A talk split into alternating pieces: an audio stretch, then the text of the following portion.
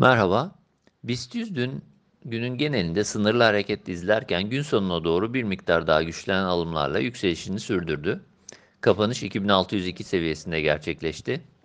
Endekste önemli direnç bölgesi olarak değerlendirdiğimiz 2555 seviyesi üzerinde kapanış görmeye devam ediyoruz. Bu seviye üzerindeki kapanış günlük ve haftalık periyot için ortalamalardaki yukarı eğilime güçlü şekilde destek veriyor. Bu paralelde olumlu teknik görünüm ve yukarı yönlü beklentinin korunduğunu belirtebiliriz.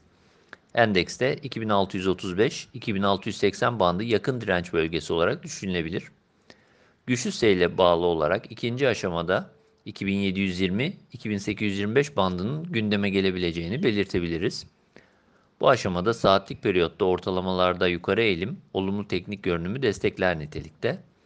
Endekste 2565-2555 yakın destek olsa da kısa periyot için destek olarak takip edebileceğimiz 2525-2475 bandı üzerindeki hareket korunduğu sürece yükseliş yönlü eğilimin geçerliliğinden bahsedebiliriz.